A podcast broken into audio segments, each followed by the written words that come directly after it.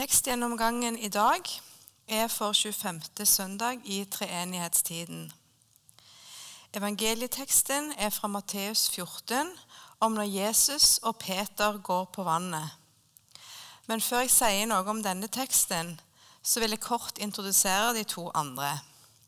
GT-teksten er Salme 107, versene 23-32.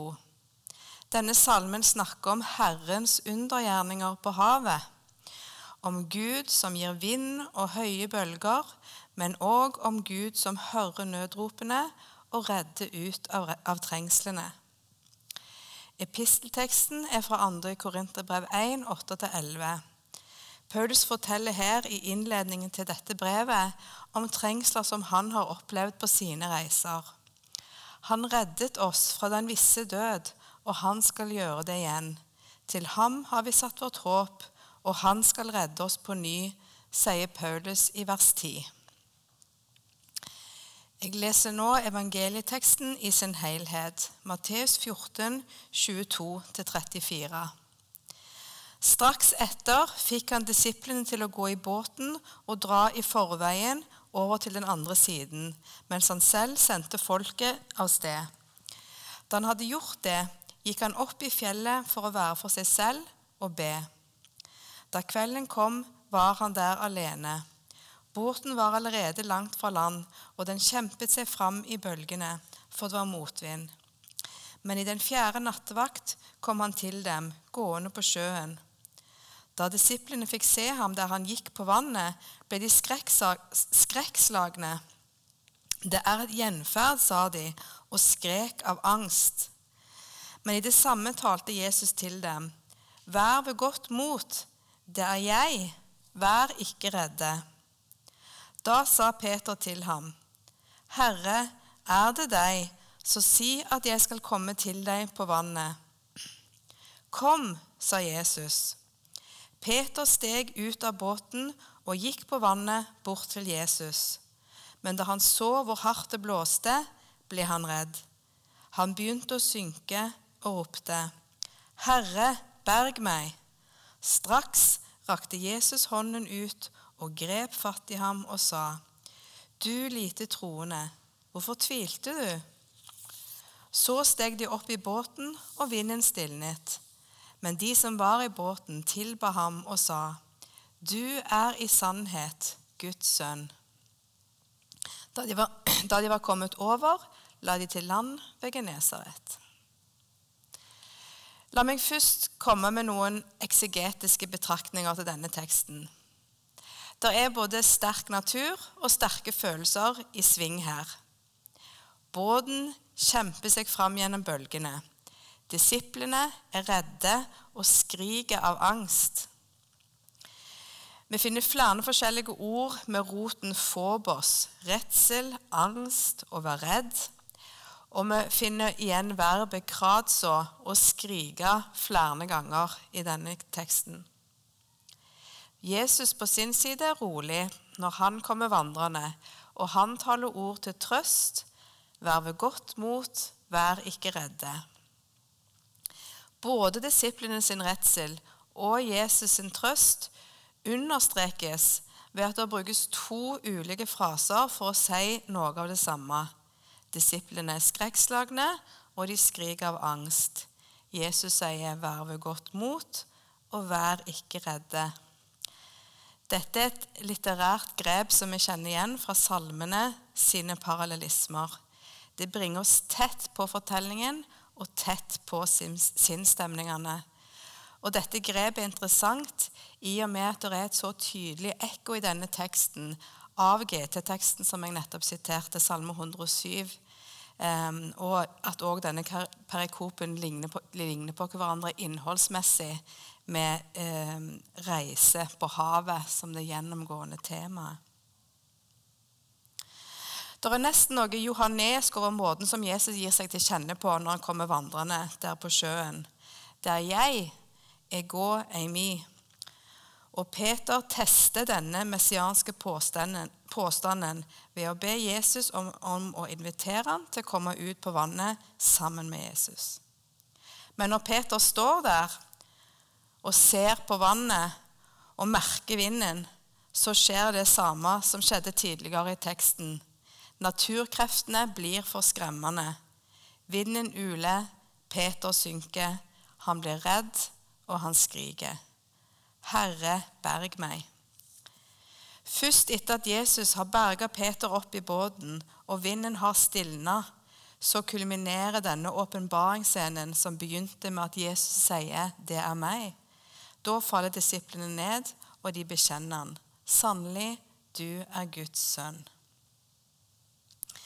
Det ordet som Peter bruker når han roper 'Herre, berg meg', sådså, dette verbet oversettes ofte med frelse. Og vi finner det igjen og igjen i Det nye testamentet. Frelse, sådså, handler om redning i en veldig vid forstand. Det handler om å berge fra naturfarer, om å bringe i sikkerhet, om å bevare. Det brukes om å gjøre frisk fra sykdom, om å redde fra dødsfare, og om frelse fra dom og om evig liv. I denne fortellingen er det en fysisk, men òg en helt eksistensiell frelse Peter roper etter. Han er redd for å drukne. Han er redd for å dø. Denne teksten er en veldig rik tekst, og man kan ta den i mange retninger i en preken.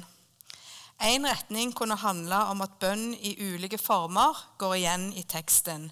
Fra Jesus sin meditative tilbaketrekning i begynnelsen av teksten til Peters fortvilte rop om frelse, og til slutt disiplene sin tilbedelse der i båten. Og En annen kunne handle om spillet mellom tro og tvil i denne teksten, om Jesus sin sterke, frelsende hånd som rekkes ut. Jeg har lyst til å ta dere i en litt annen retning i mine betraktninger. Og ta tak i den menneskelige erfaringen av storm og uvær og fare som klinger i alle de tre, tekstene som skal leses på søndag. Både salmeteksten og evangelieteksten handler om uvær på sjøen. Og Paulus snakker om den nøden som han har lidd på sine misjonsreiser. Og vi vet fra både apostlenes gjerninger og første korinterbrev at havsnød var blant de eh, misjonserfaringene Paulus hadde med seg. Salmeteksten er ikke bare en metaforisk tekst. Den har sitt utgangspunkt i erfaringer med skipsfart og handel. Noen dro ut på havet med skip, drev handel på de veldige vann, står det i vers 23. Så denne erfaringen handler ikke bare om at havet er en trussel og en fare, men òg om at havet er en ressurs for fiske, for handel og for utveksling. Det handler om et tett sammenvevd skjebnefellesskap der mennesker er avhengig av og prisgitt naturen rundt seg. Tatt i betraktning denne menneskelige erfaringen med farene med å ferdes på havet, så er det ikke så rart at storm og skipbrudd har blitt en grunnleggende metafor for eksistensiell fare og krigslivskrise. Angsten for å gå under er lett gjenkjennelig. Fra Salme, 27, eh, fra Salme 107 går det eh, linjer gjennom litterære verk til Odysseen, til Moby Dick og til Terje Vigen, bare for å nevne noen. Så et lite hopp. Innenfor økologisk bibeltolkning så forsøker man å lese Bibelen med vår tids miljøkrise som kontekst, som sitt ståsted. Forskerkollektivet Earth Bible har utvikla noen leseprinsipper for en økorettferdig lesning av Bibelen, som bl.a. handler om å lytte til jordens stemme i bibeltekstene og å forsøke å se all skapning sin verdi i lys av at det er skapt av Gud.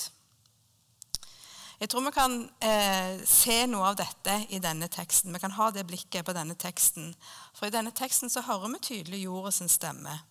Vinden suser, og slåss mot båten som prøver å kjempe seg over på den andre sida. Bølgene slår høyt, og havet er i ferd med å sluke Peter når han roper på frelse.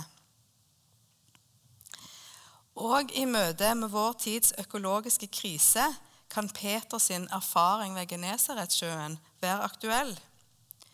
Ropet om frelse rommer da nødvendigvis ikke bare et rop om å bli berga fra naturkreftene, men et rop om at vi alle og jorda vi bor på, må berges fra vår sjølskapte katastrofe.